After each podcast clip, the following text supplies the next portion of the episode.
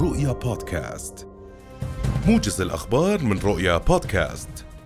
أقر مجلس النواب في جلسته الصباحية اليوم المادة الثامنة عشر من التعديلات الدستورية المتعلقة بأن تصبح استقالة النائب نافذة اعتبارا من تاريخ تقديمها. كما وافق المجلس على المادة التاسعة عشر من مشروع تعديل الدستور الأردني لعام 2021 التي تنص على عدم استقالة الحكومة إذا حل مجلس النواب في عهدها خلال آخر أربعة أشهر من عمره. وخلال الجلسة الصباحية طالب عدد من النواب في مذكرة نيابية بمنع النائب حسن الرياضي من حضور تحت قبة البرلمان حتى يتم الانتهاء من التحقيق لدى اللجنة القانونية النيابية.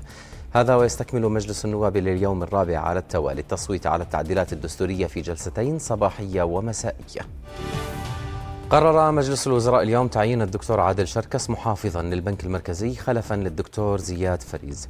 على صعيد آخر وافق مجلس الوزراء على علاج المريض الطفلة تغريد النوباني خارج المملكة على نفقة الحكومة وذلك لعدم توفر علاجها داخل الأردن. أكد أمين عام وزارة التربية والتعليم الدكتور نواف العجارمي أن امتحان الدورة التكميلية يسير كما هو مخطط له من ناحية الإجراءات والتجهيزات التي أعدت سابقا مبينا أن عملية تصحيح الامتحانات بدأت على الفور.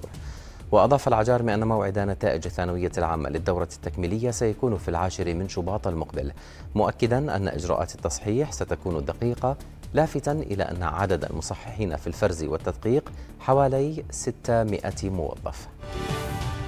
قال جواد بولس محامي الأسير هشام أبو هواش إن تصاعد الإسناد العالمي والأصوات الرسمية والضغوط الدولية لقضية أبو هواش لا سيما تدخل الرئيس الفلسطيني محمود عباس والأجهزة الأمنية الفلسطينية والأردن ومصر أسهم في إنهاء الإضراب عن الطعام وانتصار الأسير أبو هواش. أدانت الولايات المتحدة الأمريكية استيلاء الحوثيين على سفينة تجارية ترفع علم الإمارات قبالة سواحل الحديدة اليمنية. المتحدث باسم الخارجية الأمريكية أشار إلى أن هذه الإجراءات تتعارض مع حرية الملاحة في البحر الأحمر وتهدد التجارة الدولية والأمن الإقليمي، معتبرا أن تصرفات الحوثيين هذه تأتي في وقت يجب فيه خفض التصعيد والعودة إلى محادثات سياسية شاملة.